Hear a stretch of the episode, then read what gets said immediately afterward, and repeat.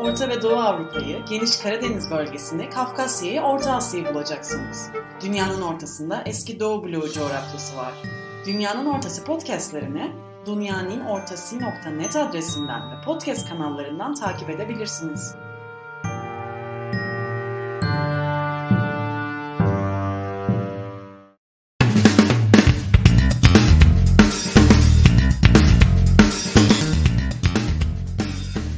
And welcome to Eurasia Talks, a joint initiative of the Karabük University Area Studies Program and the Middle East Technical University Eurasian Studies Program. Eurasia Talks is a seminar series dedicated to history, society, culture, economy, and politics of the Eurasian region. In every two weeks, it invites prominent scholars from around the world to discuss different issues relating to the region. Eurasia Talks are organized by Assistant Professor Yulia Biletska and Associate Professor Işık Kuşçu with the support of Dünyanın Ortası.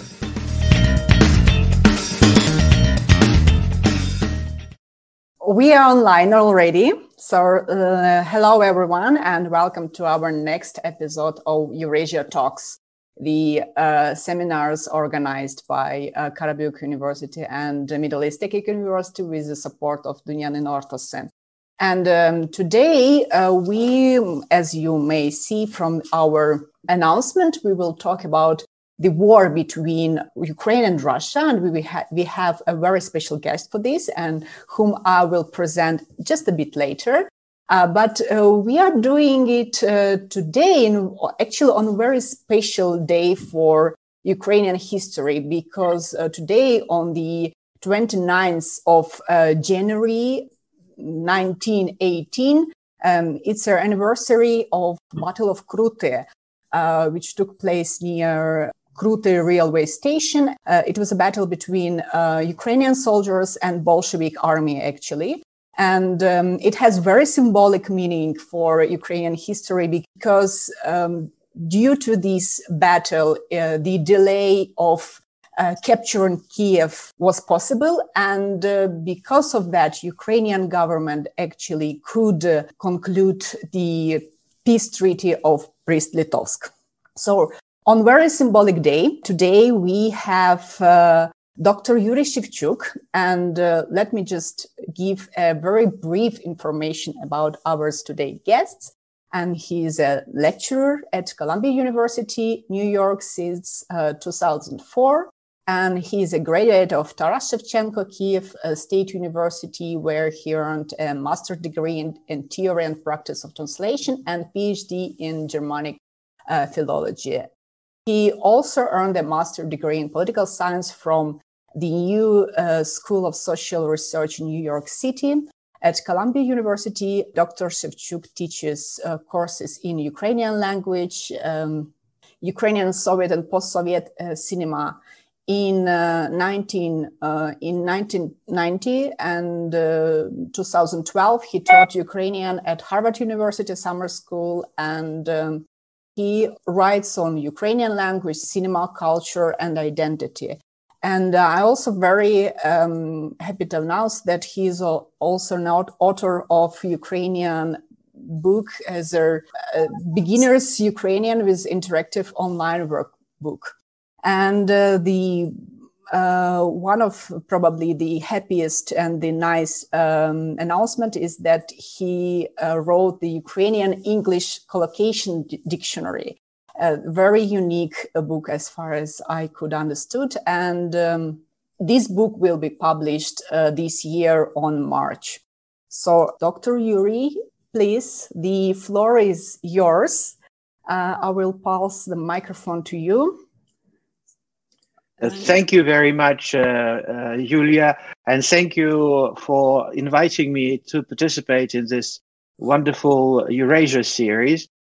Today, I would like to share with you uh, my thoughts about uh, the aspect of Ukrainian Russian relations that normally is uh, overlooked or ignored when people talk about Ukraine and Russia. And uh, namely, well, my talk is called Ukraine and Russia, the Invisible War.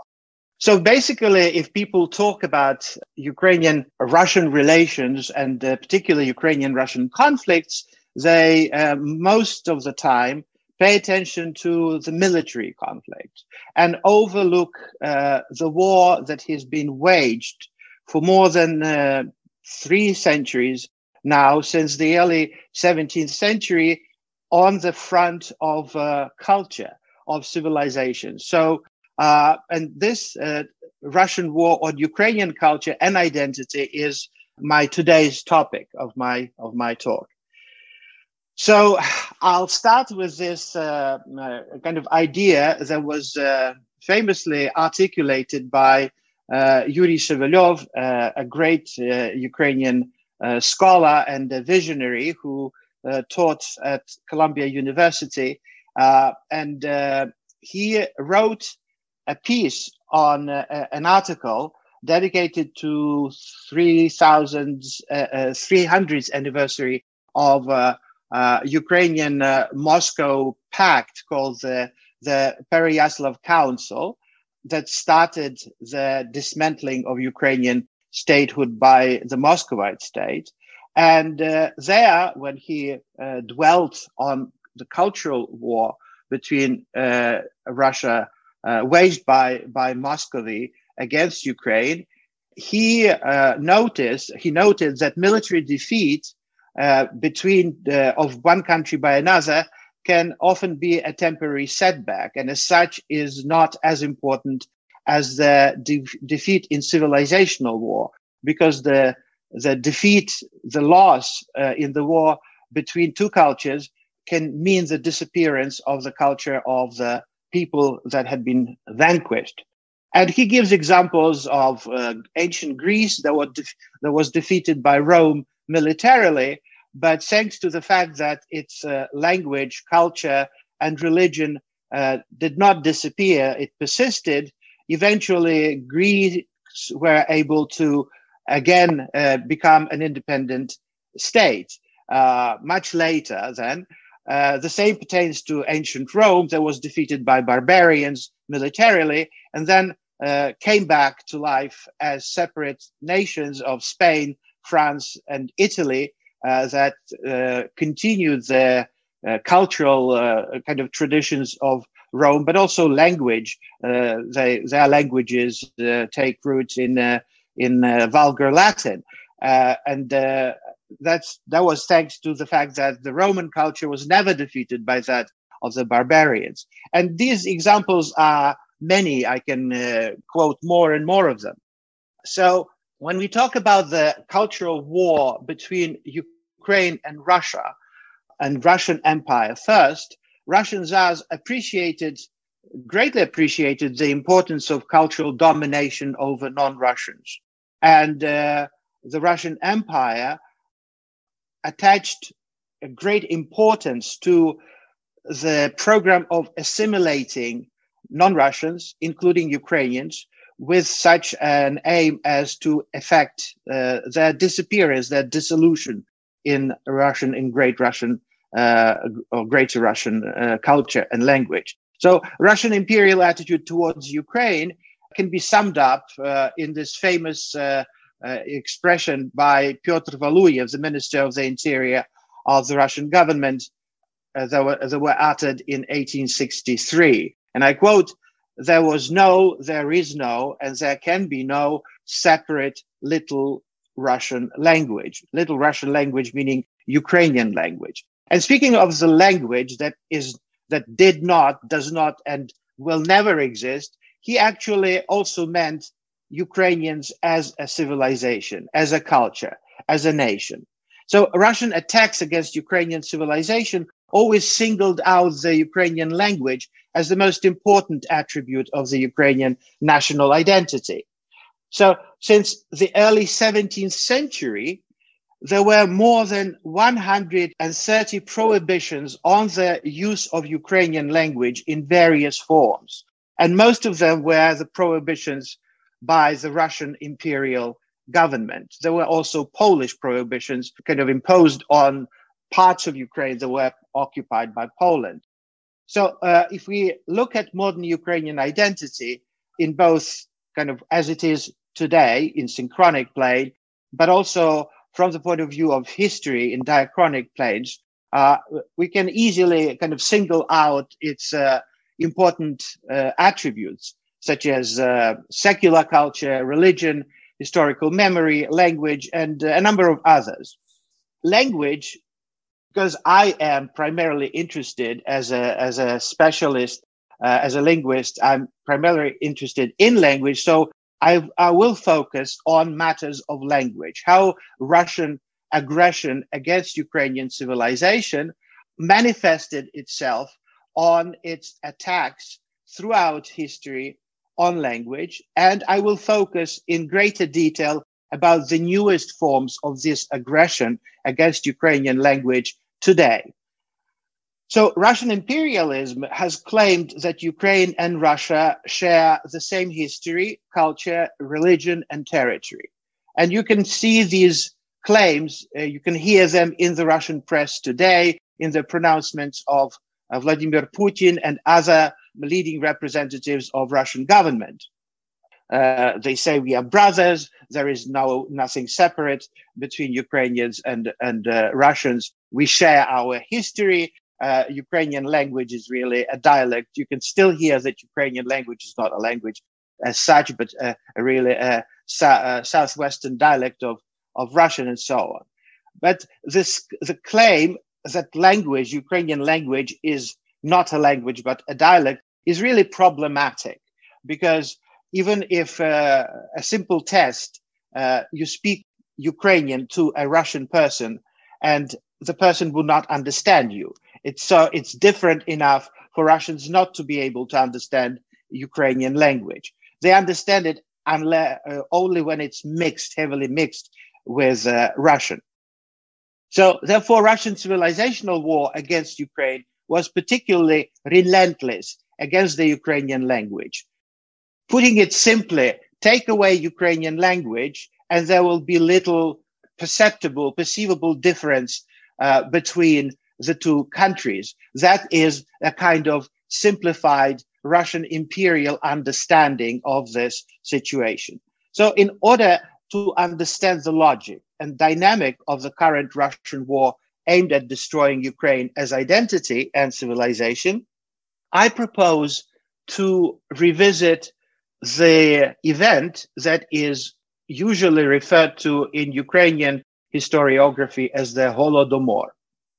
Holodomor is a central attribute of Ukrainian, a, a central element of uh, modern Ukrainian identity. The word itself is a combination of two roots. One, holod, meaning hunger, and another is mor, uh, meaning murder. So it means, holodomor means murder by hunger. And this word is, uh, in Ukrainian historical memory, is something like the Holocaust in Jewish historical memory. And uh, the Holodomor is a, a, campaign of artificially organized hunger, uh, the hunger that was organized by the Soviet government in uh, 1932 33, with the aim of uh, breaking the resistance of Ukrainian peasantry to the collectivization drive, but also uh, kind of uh, with another aim of solving the Ukrainian uh, question to once and for all remove the Ukrainian desire for independence from the equation. So they confiscated any every everything edible in the Ukrainian countryside and immediately precipitated a mass uh, hunger that in the course of less than just one year took away or killed uh, by different accounts between 3.5 to 6.5 million uh, Ukrainians. Soviet authorities then denied the Holodomor and forbade discussing it. Today, Russian official propaganda refuses to recognize the genocidal nature of the Holodomor. They, they say, oh, the, uh, the hunger happened, but it was not intentional, and it was just the, an unfortunate coincidence of different factors. So the Holodomor, why I started talking about the Holodomor promising you to, to focus more on language because the conceptual framework that the Holodomor presents helps us understand the arc of 200 years of, of Russian aggression, cultural aggression against Ukraine. A humanist, uh, uh, uh, the humanist Ra- Raphael Lemkin, uh, he was a Polish lawyer of Jewish origin, coined the term genocide. The term that later, uh, uh, in the 50s, became a basis for the United Nations definition of genocide. And as a case study of genocide, Raphael Lemkin chose the Holodomor, organized by Moscow, and analyzed it. So, describing the Holodomor, and this is important for my analysis, Lemkin singles out four directions of this campaign against Ukrainian civilization by Moscow. Number one, the first was a blow to the head of the nation, meaning the destruction of Ukrainian political and cultural elites. Uh, you see here on the photograph a very famous building in the city of Kharkiv that in the 30s was the capital of, uh, of Ukraine, of Soviet Ukraine. And this building is called the Word, Slovo. And it was built by Soviet authorities deliberately to concentrate all Ukrainian writers and leaders of culture, cultural uh, figures, playwrights, sculptors, filmmakers, poets, uh, dram- uh, uh, dramatists, actors, all in one building so that they are easier to control.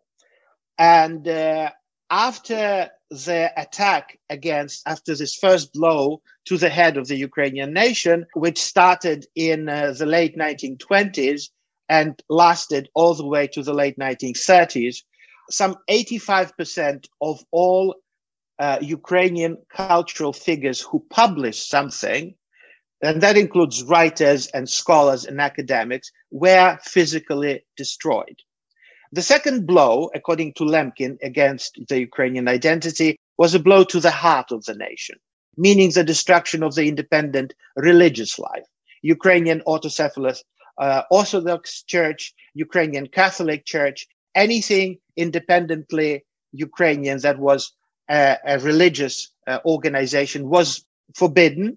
The priests were either executed or sent to Siberia for life and destroyed there.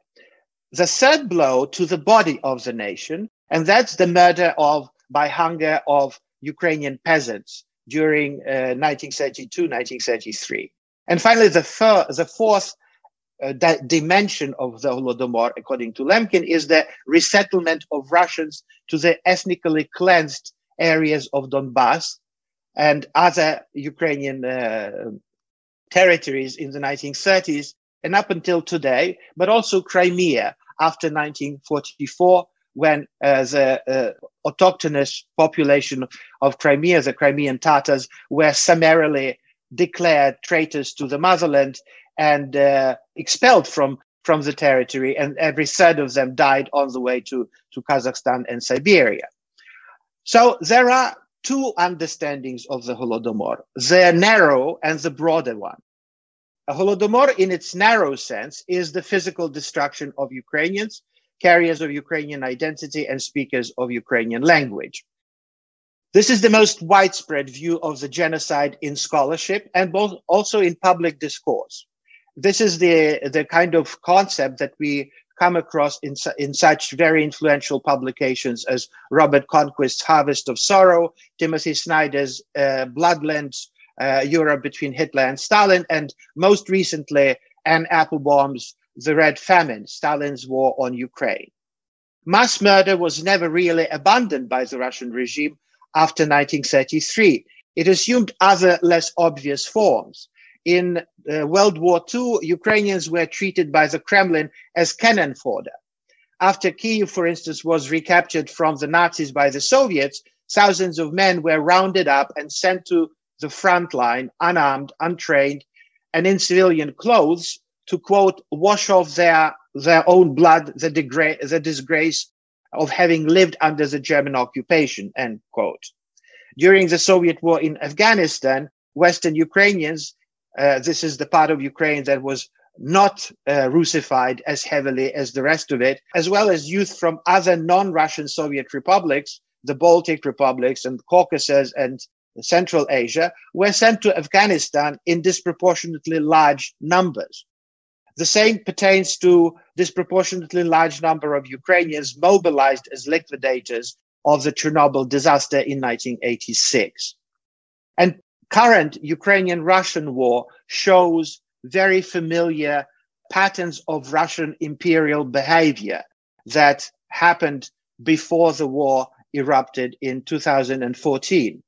More than the expulsion of Ukrainians from occupied territories, more than a, a million and uh, 400,000 Ukrainians are internally displaced as refugees. They, they had to flee the areas occupied by Russia. I mean, the Crimea and the, the areas of Eastern Donbass. The occupation authorities, Russian occupation authorities, create the living conditions that are intolerable for Ukrainians and Crimean Tatars. Ukrainian schools are closed, Ukrainian books and Crimean Tatars as well. Ukrainian uh, books and Crimean Tatar books are burnt cases of murder of Ukrainians in Russian uh, Russia occupied Crimea and Donbass, and by Ukrainians I mean Ukrainian citizens. That includes everybody, not just ethnic Ukrainians. Ukrainian churches are yet again, as if we are back in the 1930s, are persecuted and closed down. There is also the understanding of Holodomor in a broader sense of the word. And that includes not only physical destruction of Ukrainians, but the destruction of Ukrainian culture, religion, language, and historical memory, without which there is no Ukrainian identity, of course. And this is the kind of view of the Holodomor that was that has been advanced by Canadian historian Roman Serbyn. The Holodomor, in its broader understanding, never really stopped. Even today, it takes new, even evol- ever evolving forms.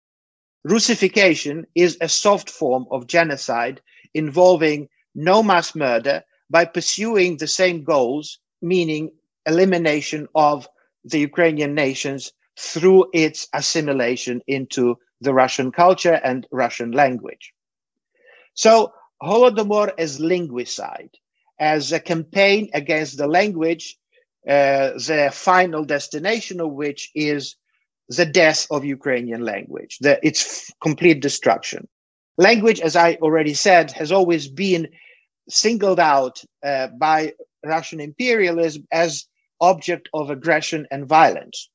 The Ukrainian language has for centuries been the object of Moscow's direct, indirect, and symbolic violence. A symbolic violence understood the way uh, Pierre Bourdieu, who wrote a lot about this concept, understood, understood it. As symbolic violence is violence wielded with tacit simpli- uh, complicity between its victims and its agents, insofar as both remain unconscious of submitting or wielding it. So, what were the historical forms of linguicide, of, of the aggression against the Ukrainian language. One, direct violence, which means the ban on the use of Ukrainian in public sphere, coercive strategies of various kinds with the aim to marginalize the language, to drive it out from public sphere, from strategic spheres of communication fraught with the possibility of political mobilization above all, schools, printing business, the press, government, and, uh, and, and such. One is the Valuyev Circular of 1863 that banned the publication of educational and religious books in Ukraine, and followed uh, 13 years after by Ems Ukaz, which was a decree by the Tsar banning the publication of original Ukrainian texts, translations into Ukrainian, any books, theater performances, song concerts, teaching in Ukrainian.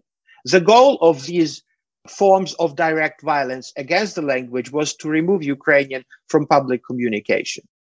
But there was also a specifically Russian original form of persecution of language. that no other colonizers invented or thought of applying. And that is the interference into the inner structure of the Ukrainian language as such.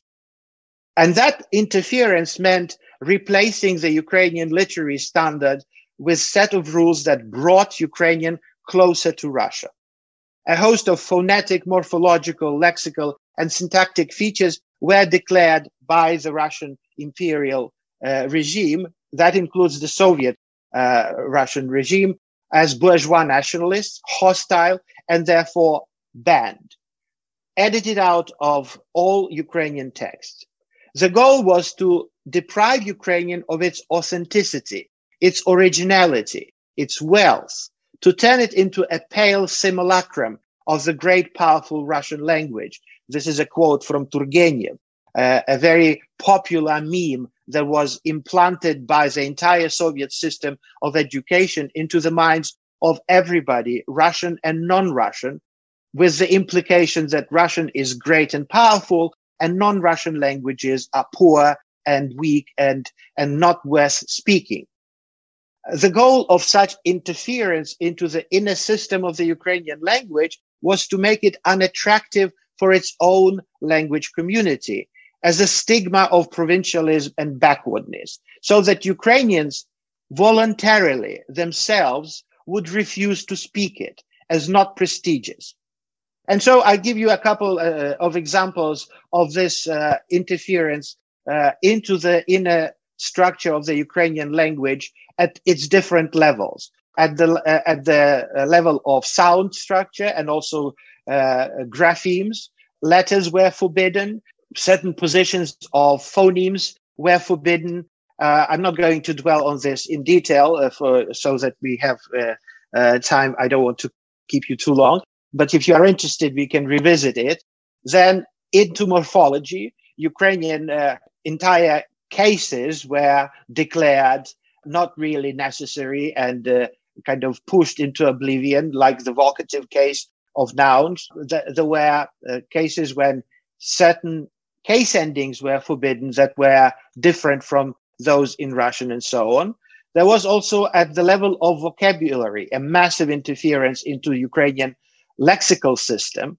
Hundreds of Ukrainian words were banned as bourgeois nationalists and replaced by with Russian uh, synonyms. As many as 15 word production patterns were ousted as again bourgeois nationalists and hostile and replaced by very often clumsy Russian ones compared with the Ukrainian ones. Massive Russification of terminology. Russian was allowed as the only source of new terminological uh, coinages and forced archaization of Ukrainian seafaring, legal, and military terminology and replacement of it with Russian terminology. But uh, these are the, the kind of uh, forms of aggression against the Ukrainian language that were applied by the Soviet regime. One would think that with the collapse of the Soviet Union in 1960, in 1991, this war against the Ukrainian language would come to an end. Not so that was not the case. It took other forms, uh, more kind of hidden, not direct, but no less effective. And one of these forms I'm going to dwell on at greater length today. I call it uh, schizoglossia or mixing Ukrainian with Russian. Mixing Ukrainian with Russian is using both these languages at the same time in the same place by two or more speakers. Imagine a, a, tele, a television program, a broadcast, and there are two anchors. One of them is speaking Ukrainian, another one is speaking Russian. You are a Ukrainian, you are, you are being interviewed by, by a journalist. You speak Ukrainian, the journalist speaks Russian with you. That's what I mean by mixing two languages in one place at the same time. So mixing Ukrainian and Russian is a seemingly spontaneous and random switching from Ukrainian to Russian. But there are two types of such mixing. One is as a consistent and unintended language policy and intended, intentional language policy. And this is what I'm interested in today. The other one, uh, mixing Ukrainian with Russian as a spontaneous communicative behavior. The person just uh, is uh, is lazy to control his uh, or her speech production, and if uh, a Russian word comes up uh, to mind, they just say it. So that that's of no interest to me today.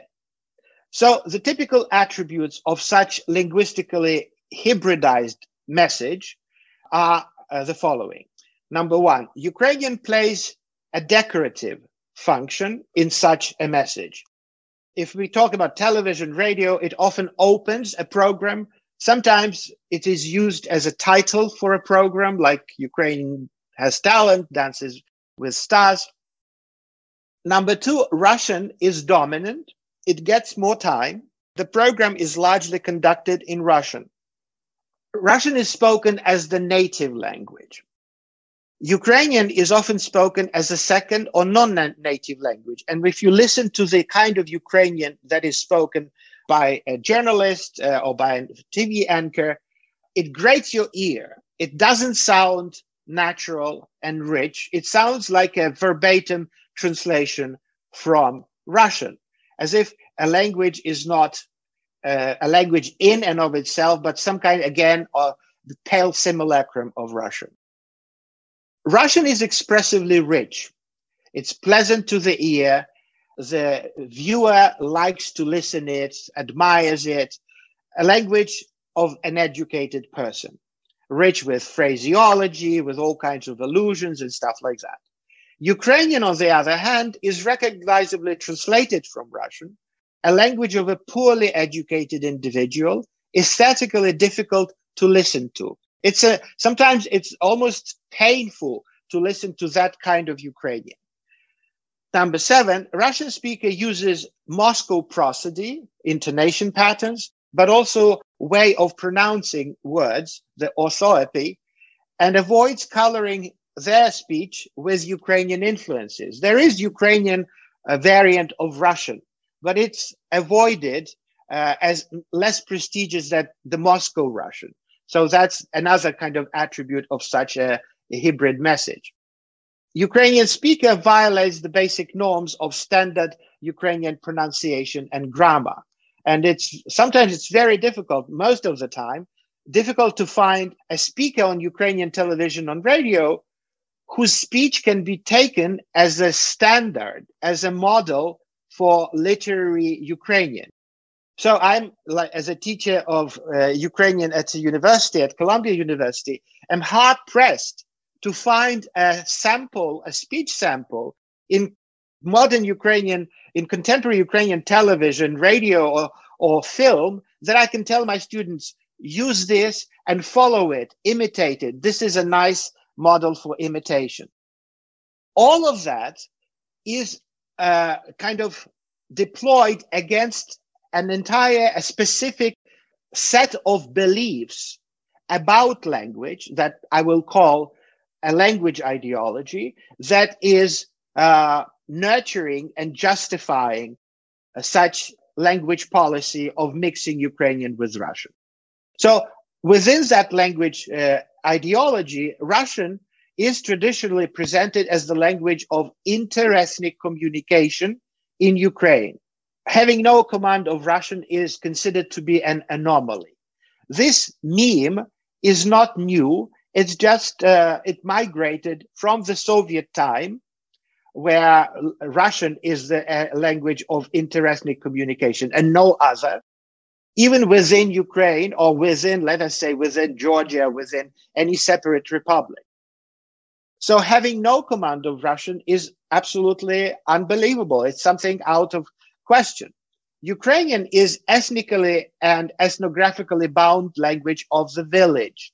So if you speak Ukrainian, within that ideology, you are immediately branded as a provincial, a yokel, a kind of narrow minded opposite of modernity, of, of, uh, of prestige, of fashion. It does not matter which language to speak as long as people understand each other. That's another very, very popular meme within this ideology. In the Linguistically Hybrid Speech Act, a Ukrainian is always bilingual. For Ukrainians, it is unthinkable not to have a command of Ukrainian. Speakers, uh, uh, Russian speakers are, on the contrary, monolingual. They don't need to know any other language uh, but Russian.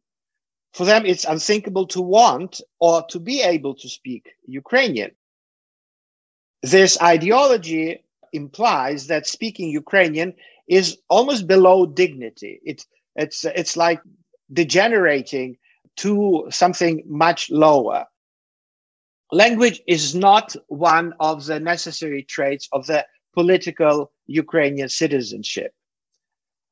One can very well be Ukrainian and not speak any Ukrainian or refuse to speak Ukrainian. This kind of uh, position is very, very popular and uh, uh, kind of uh, actively spread and propounded by the oligarchic Ukrainian mass media controlled by the oligarchs. Uh, that uh, Ukrainian is not a necessary attribute of citizenship the way Polish is so in Poland, Russian in Russia, let's say Turkish in in Turkey. Can uh, can one imagine a Turkish citizen that is uh, not fluent in Turkish? How can you be a citizen if you cannot communicate with your own compatriots uh, using uh, your own language? But not so in the Ukrainian, in the context of Russian imperial language ideology. And language rights are not part of European values or the values of the revolution of dignity. So, as a kind of a conclusion, language mixing is a ubiquitous form of mass communication in Ukraine. Mixed speech remains one of the most widespread format of Ukrainian mass media, such as television, radio, and filmmaking. Mixed Ukrainian Russian speech is inescapable in today's Ukraine. It's everywhere, it's ubiquitous. You cannot escape it. And if you want your children to learn Ukrainian, you have to isolate them from the media because they will, the media will Russify them despite your best intentions. That's how it works these days. Language mixing prevents Ukrainians from learning their own language simply by being immersed in it. The way you can learn uh, uh, Spanish in Spain or French in France, Italian in Italy, simply by listening to the radio, watching television programs, watching the films. That's not the option for today's Ukraine. Ukraine is slowly developing in that direction, but it's not yet fully decolonized uh, to present its own citizens uh, with a similar situation conducive to learning Ukrainian by osmosis, simply by being exposed to it in the public space, in the media, and so on. The, also, the important thing is that language mixing, the schizoglossia, disrupts the transmission of language between generations from older generation to the younger generation the latest statistic about the representation of Ukrainian, for instance, in such kind of age specific spheres of communication as the internet is really catastrophic. There is the share of Ukrainian messaging and text on the internet in various forms is falling despite uh, everything is contracting is is diminishing uh, language mixing is a new and effective form of linguicide because what we see is a slow death of Ukrainian. I can talk uh, uh, at greater length about that and about the manifestations of this slow uh, death if you're interested. And uh, finally, language mixing pursues the same goal as it did, as did the Holodomor in its broader understanding, the, to destroy Ukrainian as the main attribute of Ukrainian national identity. Thank you, and uh, that was that, those were my remarks. Uh, uh, uh, if I hope I provoked uh, your your questions. Yeah, Dr. Joris, thank you very much for for this great presentation and very interesting presentation. And um, uh, I have to say to the our participants, so if you want to ask a question, could you please first write it to the uh, chat? So by that way, we will see that you have a question, and I will pass a word to you. Uh, for now, we have a few questions, and um, I guess we will start in a chronological uh, way, starting from Ibrahim Muradov. Uh, so if Mr. Ibrahim is here, so he can ask this question personally, or if not, uh, I can read. Just let me know. I mean, what should I do? Okay. Mr. Ibrahim. Probably I will. Uh, I will read the. I will read the question. So, uh, Dr. Shevchuk, first of all, thank you very much for the uh, presentation. And um, first question, I would like to hear your view on the dispute between Ukrainian and Russian historians over the Kievan Rus. Uh, do you see this dispute also as a part of uh, civilizational war between the two nations? And uh, the second question um, Do you uh, generally think that the impatience of the uh, advocates of the Euromaidan revolution somehow contributed to the annexation of Crimea and the destabilization of eastern Ukraine by blocking a gradual or peaceful transition of power in Kiev? Okay, uh, great questions. Uh, one is uh, I, I, won't pretend to know much about Kievan Rus, as this is not the area of my expertise. But from uh, from my uh, perspective, the polemic uh, between uh, Ukrainian and Russian uh, historians over Kievan Rus uh, has a very long history, and it's basically the polemic about whether or not we have a shared history, whether we Ukrainians and Russians come from the same state and from the same historical formation, which was the, the great duchy of, of Kiev. And uh, that is, uh, in, my, uh, in my view, a form, a manifestation of this hybrid civilizational war, because the Russian imperial view and understanding of history maintains that the, the myth of the single origin of three nations Ukrainians, Belarusians, and Russians, originating all in Kiev. And this also projects on their understanding of the development of three languages Ukrainian, Russian, and Belarusian from the common kind of Eastern Slavic language. Both were disproved academically, scientifically, with, uh, with scientific arguments and also historical evidence as having no foundation in fact and uh, in uh, scientific data. Ukrainian language, and if we talk about the language which is closer to, to my uh, expertise than, than historiography, is a separate language that is that shows already its uh, very specifically Ukrainian attributes as early as the 10th century. The Russian imperial view of the development of these three languages maintains that they branched out around 14th century.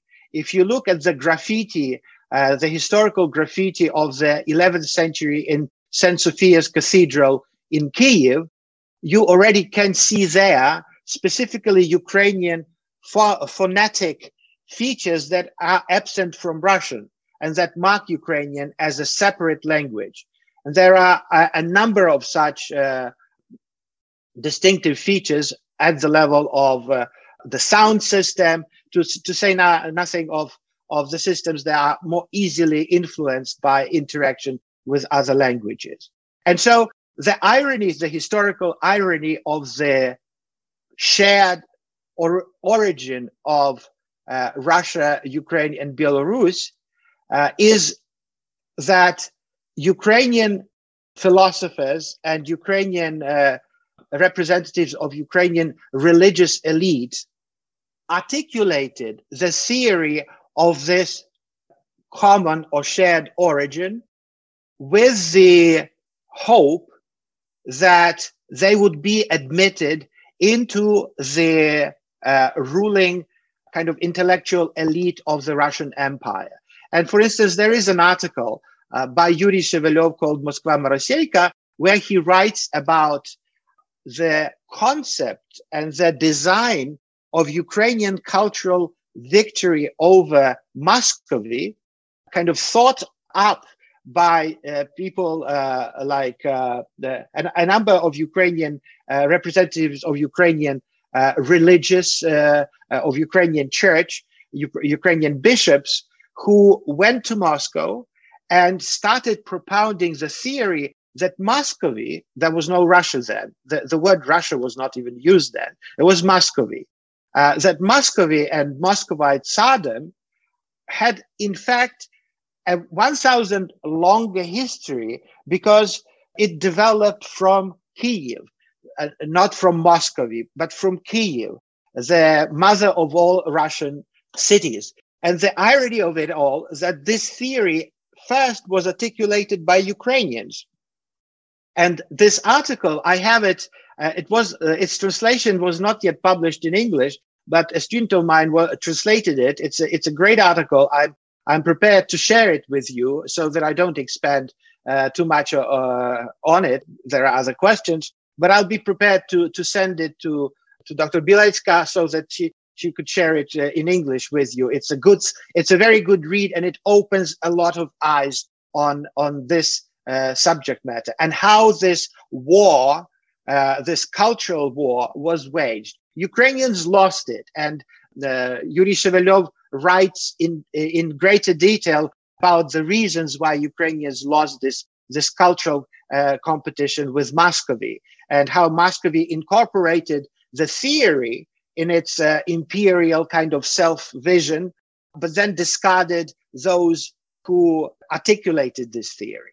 As to the revolution of dignity precipitating, if I understand correctly the question, uh, whether or not the revolution of dignity precipitated Russian attack against Ukraine. Well, to me, such a, such an approach is uh, very close to uh, is very akin to blaming uh, when the aggressor, the raper, blames the victim for the fact that uh, he raped uh, the victim, that the victim provoked the rape. That's a very common, that's a very popular kind of story in Russian, in today's Russian press that uh, uh, Russia was provoked. If you look closer at the justification of Russian aggression, and the ju- justification was such that Russians had to defend uh, Russian speakers in Ukraine against murderous junta in Kiev that was about to start killing uh, Ukrainian uh, citizens who spoke Russian. Well, again, there are no facts that prove that this is correct. There, there no murders of Russian speakers were recorded over before or after the Russian attack against Ukraine. Quite on the contrary, Russian uh, attack against Ukraine precipitated huge flood of refugees murders of Ukrainians and Crimean Tatars simply for the fact that they speak Ukrainian or uh, Crimean Tatar. And that's documented.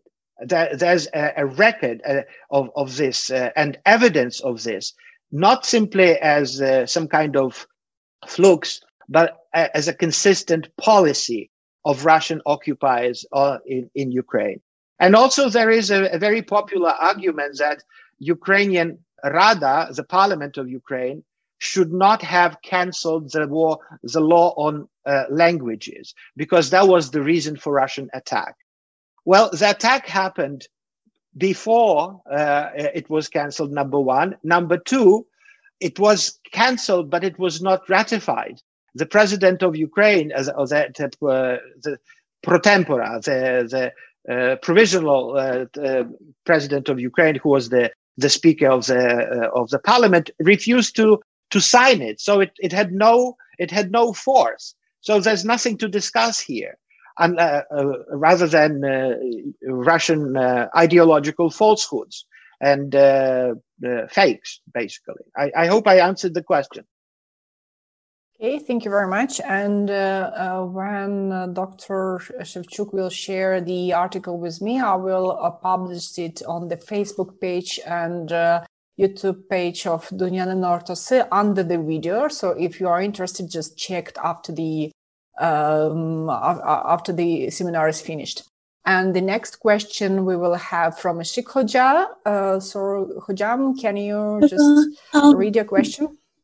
Thank you very much, uh, Dr. Shevchuk. I actually, uh, this was a, you know, this was a great talk, which kind of made us, for those of us who joined uh, two weeks ago, Professor Fierman's, William Fierman's talk as well, to kind of like compare the two cases of Kazakhstan and Ukraine.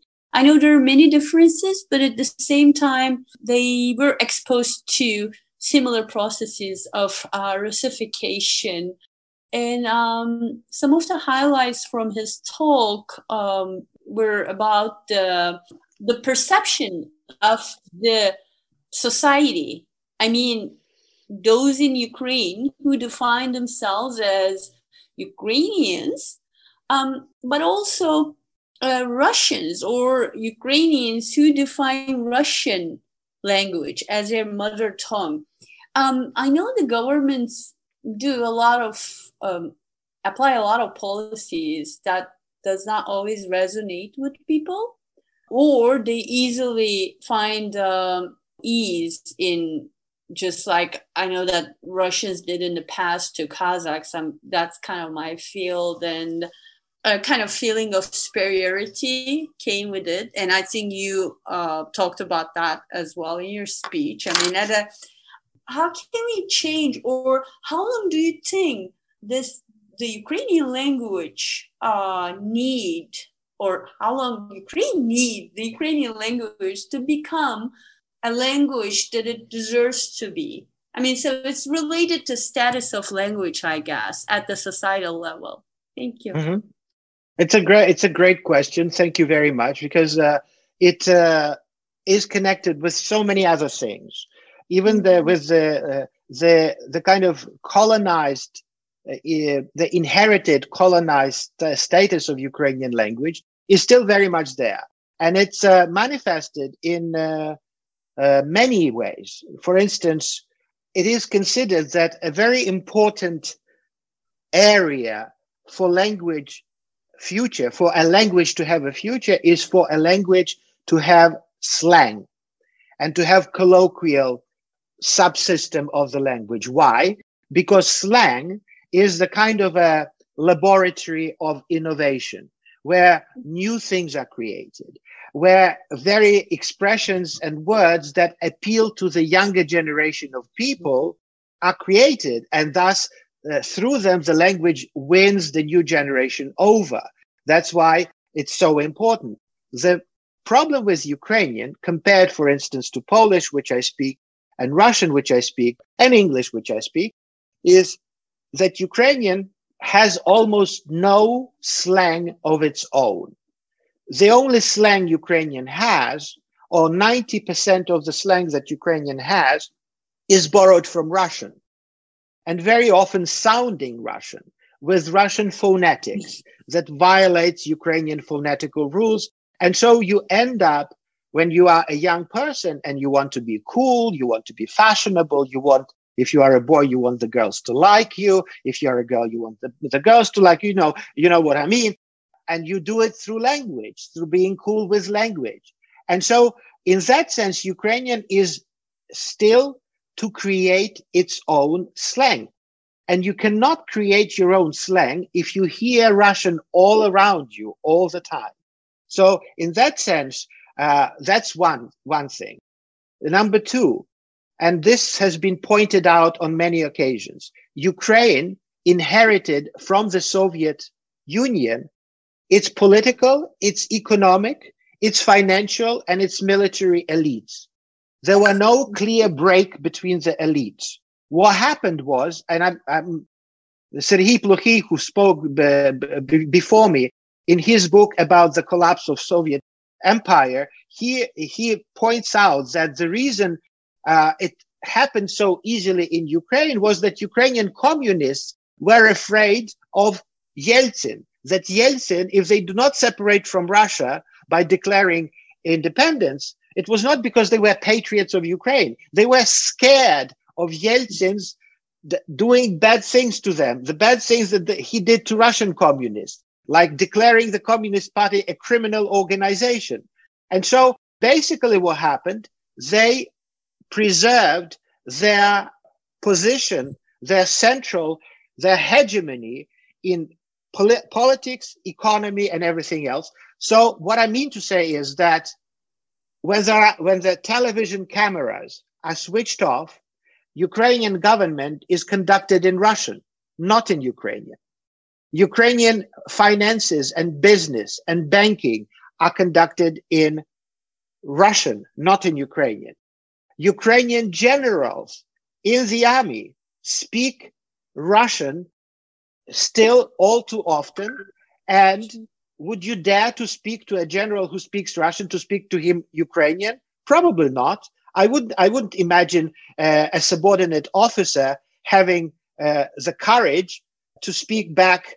Uh, Ukrainian Minister of the Interior, the one who is in charge of law enforcement, cannot for the life of him speak Ukrainian. Avakov, he speaks Russian. Uh, can you guess uh, what his subordinates would speak to him? Probably Russian too, if they want to be on his good side.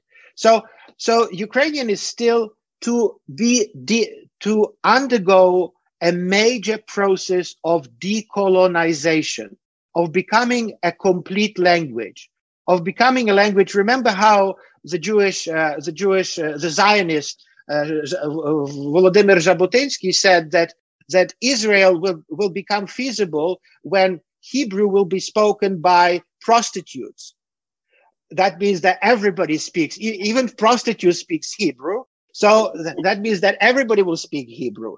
So we, we, we have still to have Ukrainian prostitutes to start speaking uh, Ukrainian. If I, if I borrow that kind of a metaphor from uh, Zionism, which was also about language. And, and you know, Jews had a much more challenging task of reviving Hebrew, which was dead language, which was only religiously used, which was ritual language, and making it into this vibrant, rich, and completely uh, full uh, uh, stuffed language that can service any any sphere of communication, from swear words to high poetry, from science to uh, you know uh, information technologies. Have I answered your question or like uh, confused? Yeah, that was that was great. No, no, I was like it was more than like I mean it really kind of like enlightened my perspective, the way I see um I view the issue, the and I like the examples a lot. So here's the lesson: we need to know um, I guess for Ukrainian youth especially learn slang in Ukrainian or invented. Also, you know, my students, every time I speak uh, in Ukraine, and uh, when I say, you know, one of the first questions people ask me in Ukraine, why would Americans want to learn Ukrainian? Because they still think that Aww. Ukrainian is such a stigma that no normal person would want to learn Ukrainian. Tell us who are these Americans, these weird, strange Americans who would who would want to pay $6,000 a semester to learn Ukrainian. And that's mm. imperialism. That's Russian imperialism, or call it racism or suprematism, speaking through the mind of these, you know, journalists who ask me, all in all, every time I'm in Ukraine, that question would always be posed it's so sad. I mean, same in in, in Kazakh. I think it's changing slowly though in Kazakhstan. I and I do hope that that's uh, true for Ukrainian. Like people really need to realize that their language is actually beautiful and important. Anyways, I'll just stop here. Thank you very much. You're very welcome. Okay, maybe I have just before we uh, pass to the next uh, question from Turgut Hoja, I just will ask very, very small uh, comment about the what you said in the last. Like, um, is there any difference in time since 1991 to 2021? Um, yeah, 2021. Okay. So, is there any difference? Can we say that it's uh, the situation is changing, or it's the same, or it's going backward, or any improvement, or like improvement and not improvement? Uh, so, if we see this thirty uh, something years uh, as a line, uh, is there any difference? Yes, there, there is a difference, and compared to where we started in 1991 a rather small segment of Ukrainian society behaved assertively as to. Uh, can you hear me now? I can't hear Yulia, but I can. Uh, uh but you're oh, nodding. Okay. Uh, okay, and now I hear you. Can I continue? Yeah.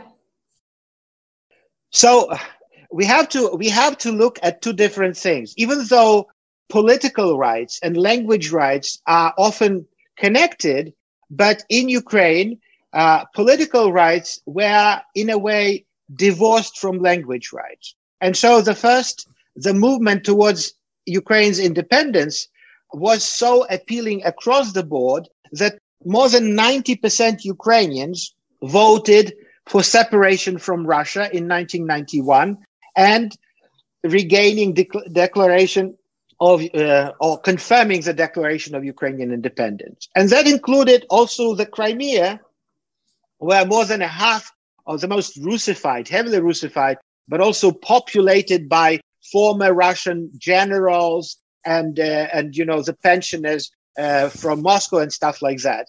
Even Crimea. So there was uh, voted for political independence. As to the language rights, they were lagging behind the demands for political independence. Why? Because uh, the imperial minority in Ukraine was very jealous of preserving, was very nervous about losing its hegemonic position that it inherited from the Soviet Union. And so every demand on the part of rank and file common Ukrainians to the effect that we want to be uh, serviced in in a supermarket in our own language, not in Russian. We want to be able to read newspapers in Ukrainian and not in Russian. We're perceived by Russian imperial minority exactly the way the demands by Black Americans in America, Black Lives Matter, are perceived by the supporters of Trump not as the demands for equality, but as a demand for repressing and uh, discrimination against the Russians. And so, uh, uh, as, as we progress from 1991 to today, on the one hand, Ukrainians increasingly realize the importance of the revival of their language. And so they are self organized. There are increasingly more influential so uh, civil society organizations that lobby for decolonization, for restoring to Ukrainians the status of the language of the country, the main, the titular language of the country that it didn't have. And that included education in Ukrainian from uh, uh, the first grade all the way to the doctoral uh, level. Uh, that included uh, conducting, uh, you know, trials and the entire court system be be in Ukrainian, businesses be in Ukrainian, television, radio. Imagine that only some six years ago, only 4% of music broadcast on radios in Ukraine was Ukrainian. Some, some 60% was Russian, and the rest was English. So, and that's in Ukraine. That that is uh, the country where ninety percent of people during the last uh, polls uh, consider Ukrainian to be their mother tongue. Even Ukrainians who speak Russian as their first language, they are still sentimental about the Ukrainian. And in these polls, they say they name Ukrainian as their mother tongue. It's very, it's a very interesting phenomenon. So today, for instance, we have progress. We have finally, we have Ukrainian, uh, a greater part of Ukrainian filmmaking is done in Ukrainian. The situation in radio changed dramatically. There is a lot of support for the Ukrainian language uh, songs. Uh, foreign films have been dubbed into Ukrainian since 2008. And that also created a kind of attachment association of something fashionable. Like, for instance, you watch an American film dubbed in Ukrainian and nothing happens. No, the, the, uh, you know, the, the sky doesn't fall on earth. People first kind of found it strange and then got accustomed to it very quickly. And then even more so, people started visiting cinemas more often when the films were uh, translated not into Russian but into Ukrainian. So definitely there is a progress. But every time there is a progress, there is also an attack by Russian beholden oligarchic media and politicians against Ukrainian. And we are in the middle of such an attack today. For instance, on the 16th of January, a law on the status of Ukrainian language as the state language required, please don't laugh, that everywhere in the in, in the service industries, supermarkets, service industry, the customer should be serviced in Ukrainian. The very fact that there should be such a law is mind-boggling. It's, inc- it's, incre- it's incredulous to think of, of such a necessity in any other country. But in Ukraine, you had to introduce a legal norm requiring a customer to be served in Ukrainian. And guess what? There is now, there has been a, an official statement by the Russian government criticizing that law as fascist or as some as as discriminatory as an attack against uh, a Russian uh, Russian minority in Ukraine. There's also, for instance, the day before yesterday, a Ukrainian court cancelled the new Ukrainian uh, system of orthography, uh, declaring the courts are now interfering with linguistics. No, I, I couldn't. I can't imagine any American court uh, dis- deciding that linguistic matters, orthography, is its jurisdiction. Linguistic matters are decided by linguists.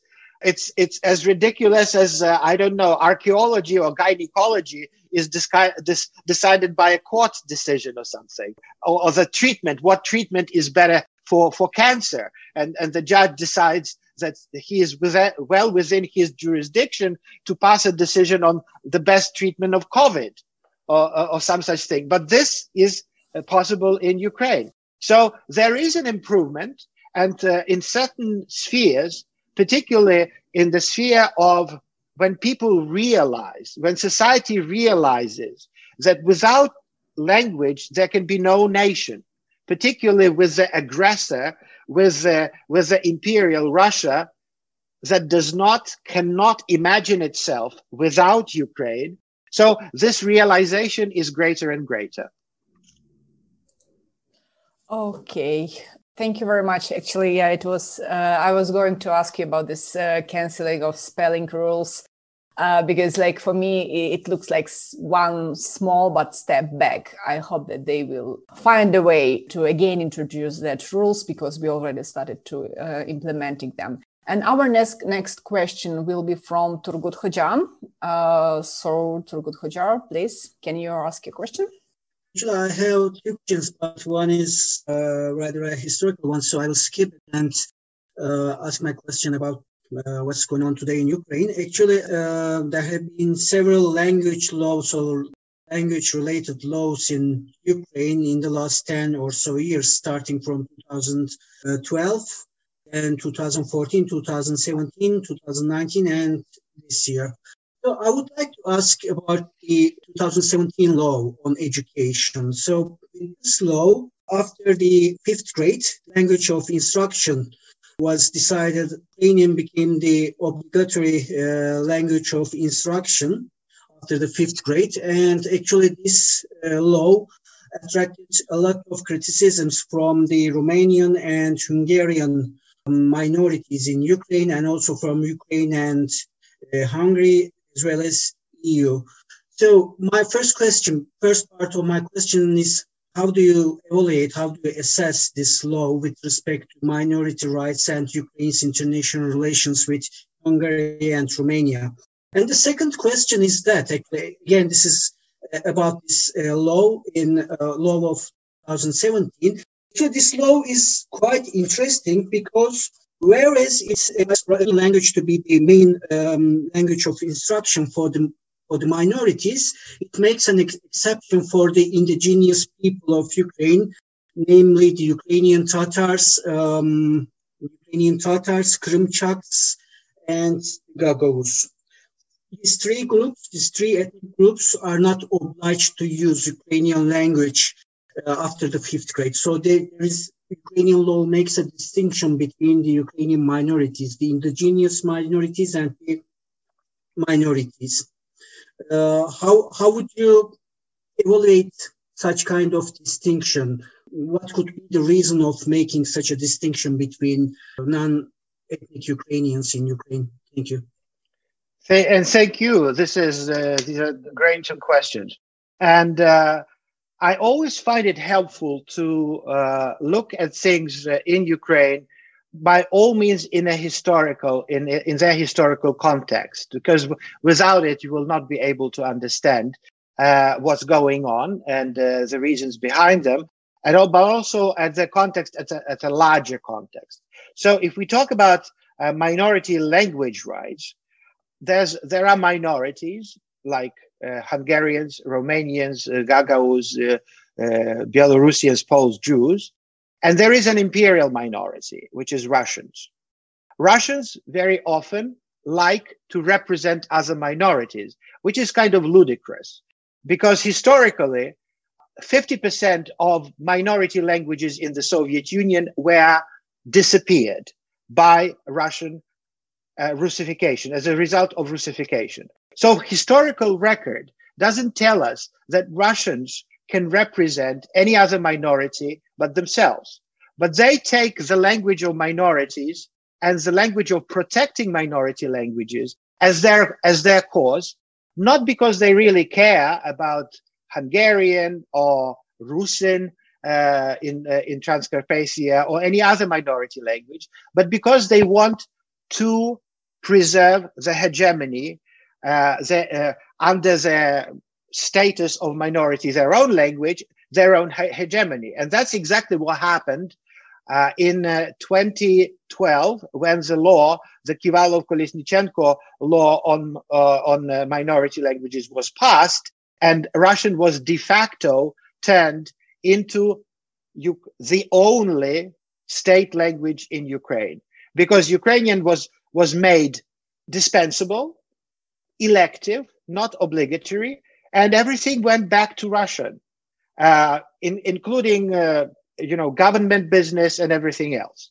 So that is an important thing to keep in mind every time you hear the talk of minority languages. The, se- the second important thing is historical. Ukraine, unlike uh, unlike uh, Hungary and uh, uh, unlike Romania, is the only, I mean, Romanians and Hungarians have their nation states where their languages are not threatened. There is no threat. You cannot make an argument that anybody uh, threatens to the uh, the future of Hungarian language or the future of Romanian language. They flourish, they develop in their own territories.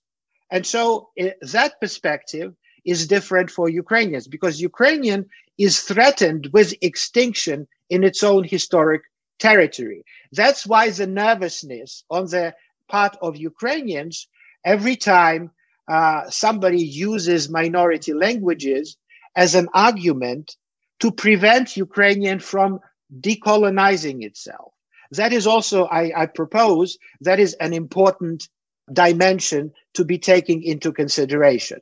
The same pertains to other indigenous languages of Ukraine that have no other uh, territory in the world other than that in Ukraine, the Crimean Tatars. That's why they enjoy this kind of exemption, the, the kind of most favored status, and Gagauz, as you said. Now, the third important consideration that you have to keep in mind there is law and there is reality. There is de jure and there, there is de facto. The schools that are, if you look at Ukraine, Ukrainian statistics, 100% or close to 100% of schools, uh, elementary schools in Ukraine, maybe sli- uh, slightly less, but statistics will give you 100%, are Ukrainian language. If you go in Kiev to most of the schools, you will not hear Ukrainian spoken there. I know it from my own experience. I know it from documents that were created by uh, civil society organizations monitoring the implementation of language laws. What happens is that Ukrainian language is spoken pro forma during class, outside the class, or when the, the teacher forgets she switches to Russian. Outside the class, it's Russian as well. And the students end up as one of the kind of after effects of this weird distribution of roles between Russian and Ukrainian in school that are considered to be all Ukrainian. They are not. Russian is the language of prestige, and Ukrainian is the language of a stigma.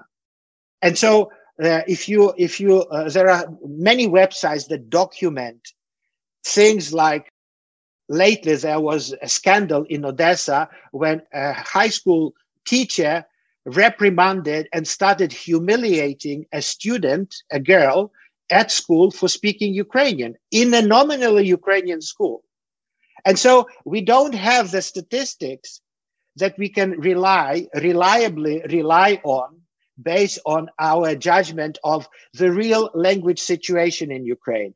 But you don't even need the statistics.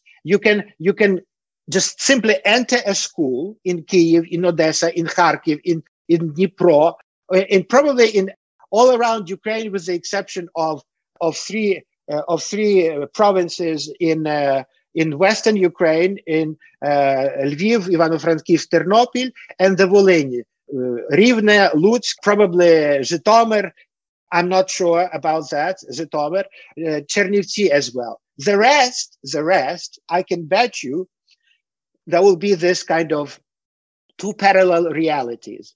The de jure, what the, the law provides for, and what the reality is. I don't know if I answered your question.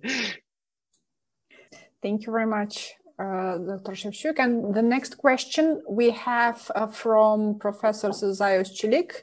Uh, Hocam, uh, can you read your question if you are here? Uh, thank you, thank you for your presentation. Uh, I, my, my question is about Holodomor. Uh, there, there should be more published. We, many people don't know Holodomor enough, and there are some movies and novels about it, such as Mr. Jones and Bitter Harvest. Uh, and my question is this: Do you think that there are enough uh, for the uh, public publicization of the Holodomor, or Ukrainian state or diaspora in Canada and United States should work more about the movies and novels about Holodomor? Uh, and also, uh, I, I, mean, as a suggestion, also it's important to mention the Sürgün, the Crimean Tatar uh, Sürgün as a Soviet genocide, as a continuation of Holodomor. What do you think about that also? Thank you. Well, I, will answer the, your, your last question first. Thank you for your uh, very interesting two questions. In the Ukrainian context, for the purpose of Ukrainian uh, uh, Ukraine as a state, as a nation, of course, I see the expulsion, the murderous, genocidal expulsion of crime of Crimean Tatars from from their ancestral lands is part of this arc of, of genocide against Ukraine and, and against indigenous Ukrainian population. And uh, I agree with you. It's probably a rhetorical question that there is by far not enough. We are only at the beginning of processing Holodomor as uh, the event singularly constitutive of the Ukrainian identity and Ukrainian national psychology, Ukrainian perception of the world and of themselves. We don't realize how deeply it affected us. We are only starting eh, articulating the, this this question, and uh, it's not only diaspora. Uh, uh, kind of was the first one to initiate the Holodomor awareness campaign, uh, both at the level of academic studies, but also at the, uh, the uh, at the level of public discourse, of conversation on this matter, uh, simply because uh, nobody, it was forbidden to talk about it in Ukraine. And if you watch uh, films on Holodomor, there are by far not enough in, in numbers. Uh, some of them are documentary and they feature people, survivors of the Holodomor, remembering what they went through and then at a certain point asking are they going to, to throw me to prison? Uh, they are still afraid. They are still deeply traumatized by what happened to them. But the, the entire society, and also I think it's instrumental. For instance, there, there were films made uh, about the Holodomor. But just to give you a comparison, by calculations or estimates that I read, between 10 and 20 films are made on the subject matter of the Holocaust every year. And nobody says that the subject matter is exhausted, that we have to stop doing that. Not only because it's not exhausted, but also because in many ways it comes back to us in the form of other genocides, whether it be Rwanda or now one can argue the genocide of uh, of Crimean Tatars who who cannot be in their ancestral territory uh, who they are and and uh, you know uh, foster cherish their culture their language their identity. In ukraine i can count probably uh, on two ha- on the on the fingers of my two hands uh, the number of films about the holodomor that were made. And most of them were so so there were there were very few films that are really very powerful that that would just appeal uh, to the imagination the number of stories uh, that the Holodomor contains is endless, and they are each of them uh, uh, is fascinating and needs to be and needs to be told. So we we are uh, we have to do that in film, on television, uh, in literature, in all forms of human expression. And uh, I don't know, this was not mentioned, but I have since 2004 I have been running the Ukrainian Film Club at Columbia University, which is the only uh, Ukrainian film forum, permanent film forum outside Ukraine. And I know all these films. I have shown all of them. Uh, and some of them we we organized American premieres uh, with the invitation of the directors, of other participants uh, uh, of the film. Uh, and uh, and so one of the we even organized a conference, a, a scholarly conference in 2010, I think, in at Columbia University called "The Holodomor in Film," and uh, and and we discussed the the challenges of uh, bringing Holodomor out to not only the the the collective awareness of Ukrainians, but also of the world because you will never, you will not understand if you are not Ukrainian, you will not understand Ukraine and Ukrainians without taking into account what happened in the 1932 33. And if you take the wider concept of Holodomor, is still happening now. And if you are Ukrainian, you will not understand your own motives sometimes when you do not, when you do not realize the trauma, the collective trauma that was visited on the nation during the Holodomor, and then the famine, the famine of uh, 1946, 40, 47 after the war, and uh, and, and it, it repeated, if uh, whether in the form of famines or in the form of wars or in the form of Chernobyl, or there's nobody is talking about the new Chernobyl happening in Donbass.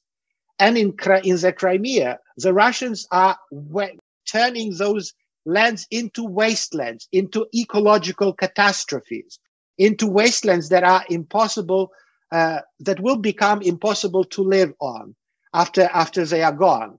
Uh, and that's also Holodomor in the logic of Russian Ukrainian relationship.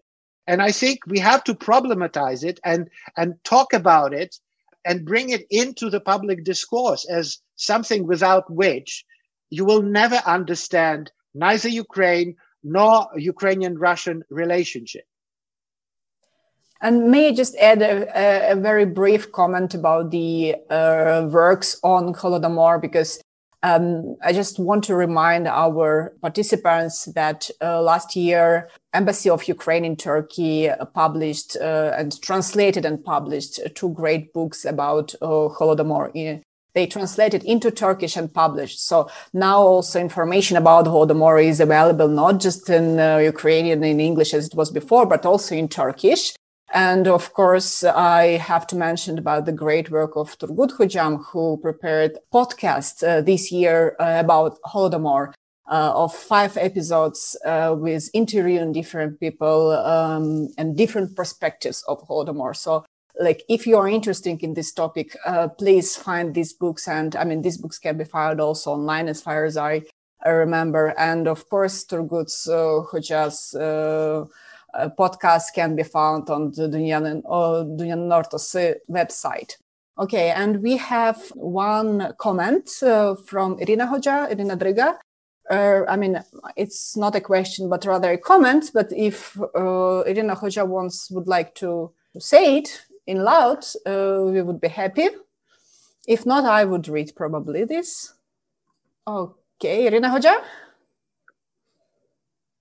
Okay, uh, so like we have interviewed Crimean Tatars and other representatives of Turkic uh, speaking citizens of Ukraine in 2015 and 2020. We met very interesting answers about the fact that uh, after 2014, Ukrainian became a language of protection from Russian aggression for many of them. So for those who never had used Ukrainian before in 2014, it was enough strong motivation to start speaking Ukrainian, not to look as Russians, not to be Russians, not to present Russian speaking population in our country.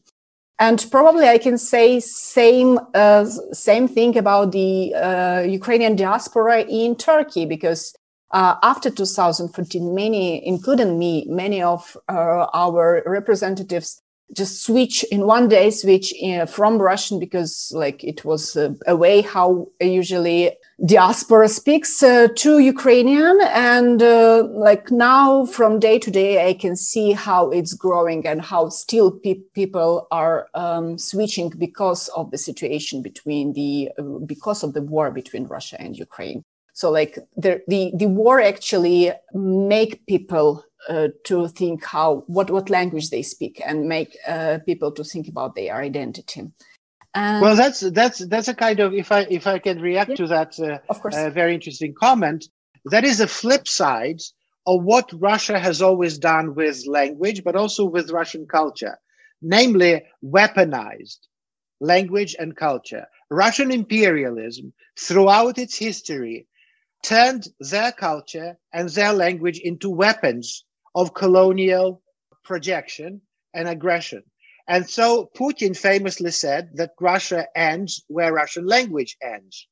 That precipitated, that caused a very predictable reaction on the part of Ukrainians, Russian speaking Ukrainians particularly, who didn't want to be part, uh, who didn't want Putin to protect them. And so the easiest way to do that was publicly to demonstrate that they don't speak Russian. They speak Ukrainian and they're happy about it. And so Putin, in a strange kind of way, in a counterintuitive kind of way, uh, one can say in, a, in an absurd kind of way, fermented, precipitated an entire tendency among Russian speaking Ukrainians to side with their Ukrainian speaking compatriots by switching from Russian to Ukrainian.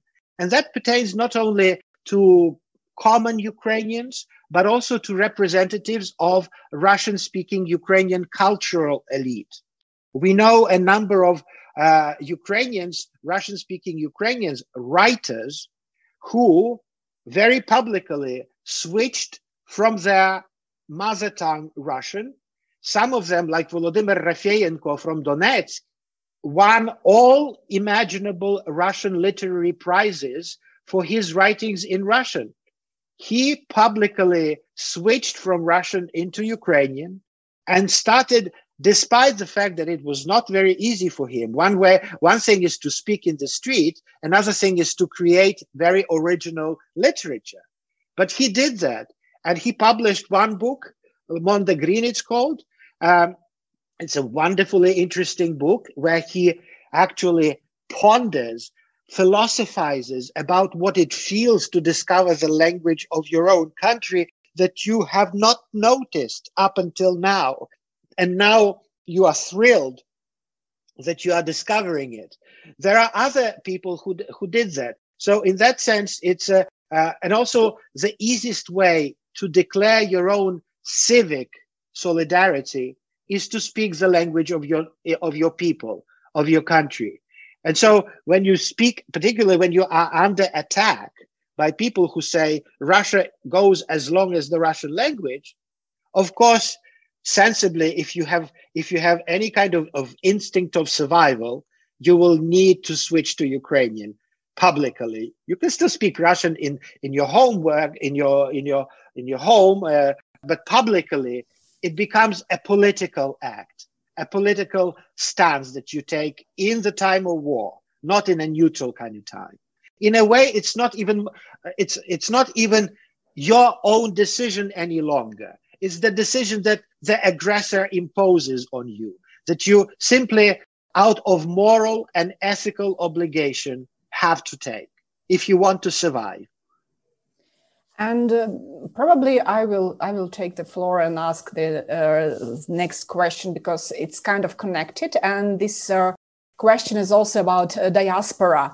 Um, because um, you mentioned that uh, during Soviet time, the Ukrainian culture and identity was presented as a peasant uh, culture, as something like um, what is not intellectual, let's say.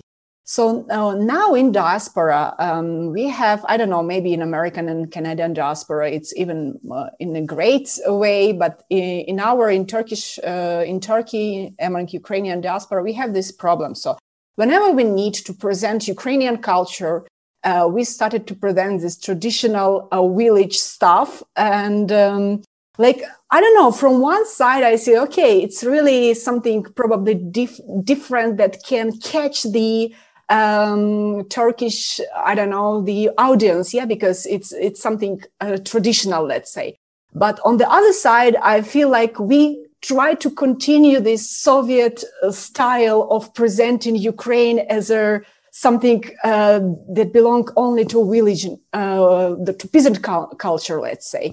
So, I mean, how to find this balance? I mean, it's my probably personal question, uh, but also it connects to this uh, identity stuff and problems with continuation of uh, Soviet type of Russian, uh, um, on maybe not Russian, but let's say Soviet type of pressing on Ukrainian culture. It's an excellent question, it, and thank you for it. It's an excellent question, and I can uh, I can deliver a, a, lecture, a separate lecture on it. But basically, this reductive view of Ukrainian identity as only ethnographic historically is completely justified because the colonizer, Russian colonizer, allowed Ukrainians to express themselves almost exclusively as a rural provincial, and village nation. And therefore, uh, all the trappings of Ukrainian ethnography, like the embroidered shirts, uh, you know, the the, the, the, the painted eggs and everything else, is part of that manifestation, that expression. And strangely enough, or not, Ukrainians themselves were taught to think so, to think of themselves only as that only in this reductive kind of way. It's as strange as, as if Americans would only be presented as cowboys and nothing else. Or I don't know what else. So, in fact, Ukrainians have to get rid of this uh, uh, of this imposed narrowing self vision of themselves as only in terms of ethnographic manifestation of what they have. Because this is just one part of being Ukrainian. Ukrainians have to learn, by the way, that unlike Russians, they are a world culture. They are a global culture because Ukrainians, probably only like Jews, or maybe a little bit like uh, Armenians, have very powerful diasporas all around the world. And in that sense, without any exaggeration, Ukrainian identity is a global world identity. We have centers of Ukrainian culture, Ukrainian scholarship, Ukrainian uh, art in the United States, in Canada, in France, in Britain, in Italy, in uh, in Russia there were, but they were destroyed lately. There were libraries that were closed down, the churches and everything. And now there is an increasingly uh, felt Ukrainian presence in Turkey as well.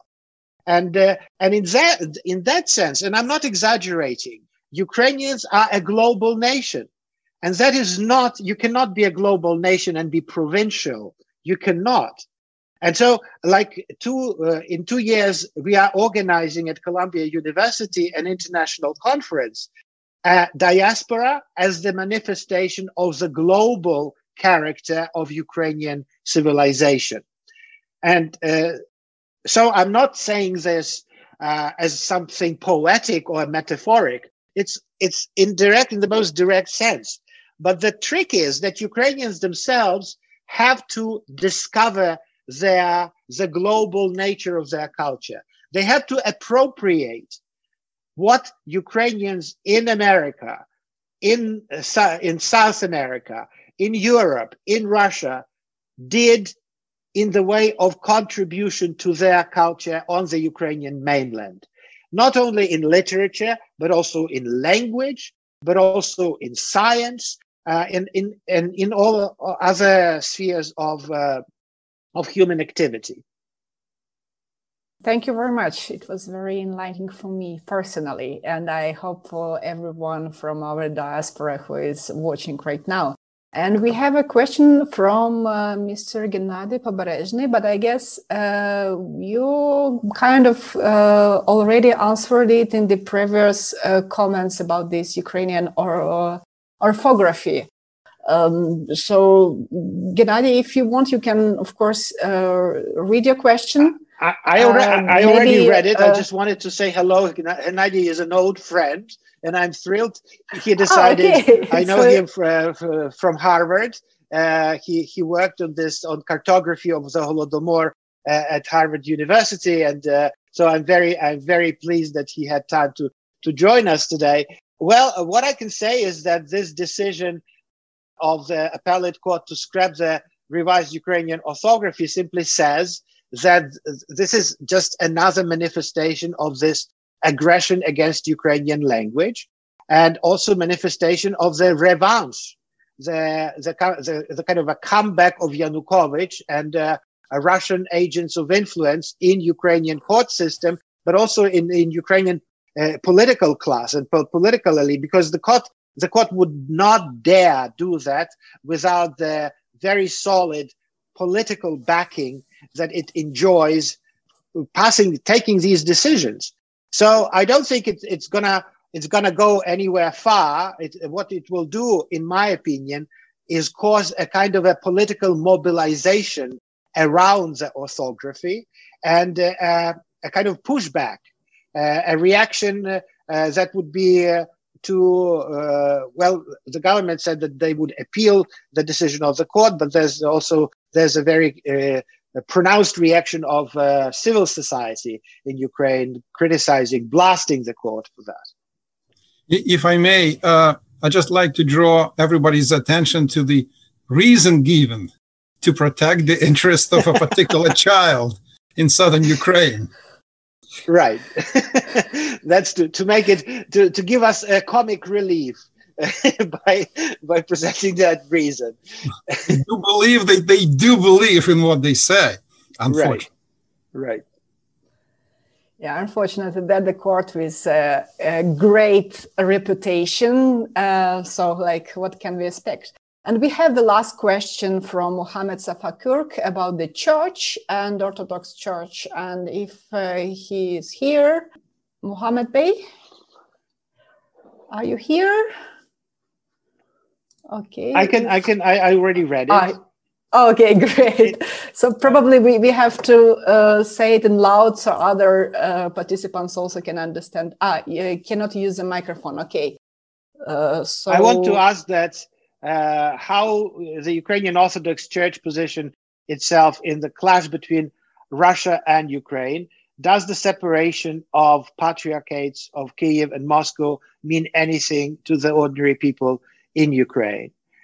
Uh, well, uh, I, am not going to invent a wheel or uh, discover America for you by saying that the history of the orthodoxy of, of Christian orthodoxy of the Orthodox Church, kind of tracing its origins all the way to Byzantium, is the history of of siding with the state. Uh, Orthodox churches traditionally support the states, and so a Ukrainian Orthodox uh, Ukrainian uh, autocephalous church that was uh, the Kiev Patriarchate, uh, the Orthodox Church of Ukraine, as it's called now, uh, sides is a is a church of Ukrainians of independent Ukraine, and it's a very powerful factor in uh, Ukrainian decolonization process of Ukraine becoming uh, a free and democratic nation, and uh, and so in that sense the church plays incredibly important role by extolling and rising the value of attachment of its followers to their own country, patriotism. Russian uh, church uh, in Ukraine is uh, another extension of Russian power, and it's a, a Russian, uh, an instrument of Russian uh, control projection of Russian power in Ukraine and also a, a Russian aggression. Again, there are a lot of things to be said about how Russian church enables and facilitates military, but also civilizational aggression of Moscow against Ukraine, both today and in history.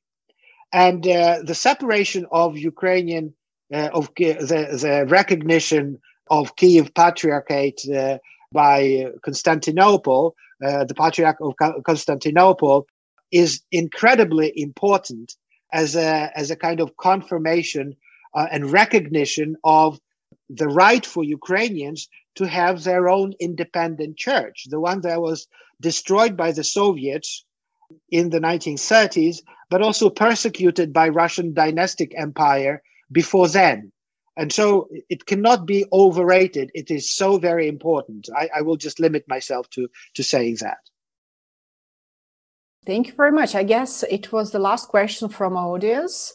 And uh, it was a great presentation and very dynamic and very informative uh, so like uh, personally even for me as a ukrainian and as a part of diaspora uh, thank you very much for coming and uh, accepting our invitation and uh, thank you I, very much. Thank you. It was the pleasure was all mine, and I'm glad I met such interesting people. I hope we, we continue to be in touch. And uh, if if it's up to you, uh, I mean, there are all these people I can help you. Uh, the films that you can watch uh, oh, and, and stuff. Films, yeah. I was about to ask you. Just name for the last. Name three movies uh, about Ukraine or Ukrainian movies that a foreign audience must watch. Okay, number one, and this is uh, uh, number one is the film that represents Ukraine today for the Oscar consideration for the Academy Awards. The film is called Atlantis. Atlantis, and next, uh, not next, on the 17th of February, we are going to be hosting on Zoom the director of that film, Valentin Vasyanovich. The film got fantastic reviews in uh, the New York Times, the Wall Street Journal, the Los Angeles Times, It won the prestigious uh, Award at the Venice Film Festival and was at more than 50 film festivals around the world. And uh, you are, you should be able to watch it. I'm going to announce it today. It's a pay per view because uh, the distributors of the film need, uh, want you to pay for it. It's $12 in the United States. I don't know if it's a, but you can also attend the, my conversation with Valentin Vasyanovich uh, by registering as as it's a webinar like yours today. So that's number one. Another film, uh, which is the film, but by the way, Atlantis is about uh, Ukraine in 2025 when Ukrainians finally liberated all of its territory, including the Crimea, from Russian occupation and uh, they are deeply traumatized and how they are trying to survive. It's it's a great, great film. It's not an easy film. It's a very challenging film, but very humanistic and very, uh, very, very impressive. Then uh, I would like you to watch the film uh, if to educate yourself about the Holodomor, The Living. I really love love that film. It's it's the film. It's the best film about the Holodomor, The Living and it's you can watch it on YouTube. It's available on YouTube with English subtitles. The, the director is Serhii Bukovsky. I showed it everywhere in North America, in Canada, in the United States. We uh, had an American premiere of that film at Columbia University, which was great success. And I also would like you to watch a classical film that is a, a cult film, the film that has a cult following around the world. It's called The Shadows of Forgotten Ancestors. You, have, you asked me for three films. The Shadows of Forgotten Ancestors. It's a it's a an incredibly rich film by Sergei uh, or Sarkis Parajanyan, so Sergei Parajanov in his Russified form, and um, and, and it's wonderful. It's absolutely wonderful. My students love it. I teach film at Columbia University. My students absolutely love it. But also to educate yourself further, there is a great film that I really like. It's a kind of mockumentary. It's a film, it's a staged film that is made as if it were a documentary, and it's called Donbass by Sergei Loznitsa. Uh, uh, I, I, suggest that you watch it because it's uh, it's really it's really something. Uh, so uh, uh, I think that that that will get you started. Thank you very much, and I will also share this list. I will prepare and share this list on the the video. and by the way, we had Donbass a few years ago, two years ago in Ankara and in other cities uh, screens oh. in uh, yeah in Turkish uh, cinemas. So like yeah, great movie. Okay, so our times is almost uh, finished, and uh, I guess uh, we will close our session. So, is there anyone who wants to add something on the topic? okay, we will announce the next topics of and the next topics of our uh, seminars a little bit later on the, the Dunyanın Ortası. And uh, for it's uh, that's all for today. Thank you for coming. And Thank you. see you the next uh, seminars.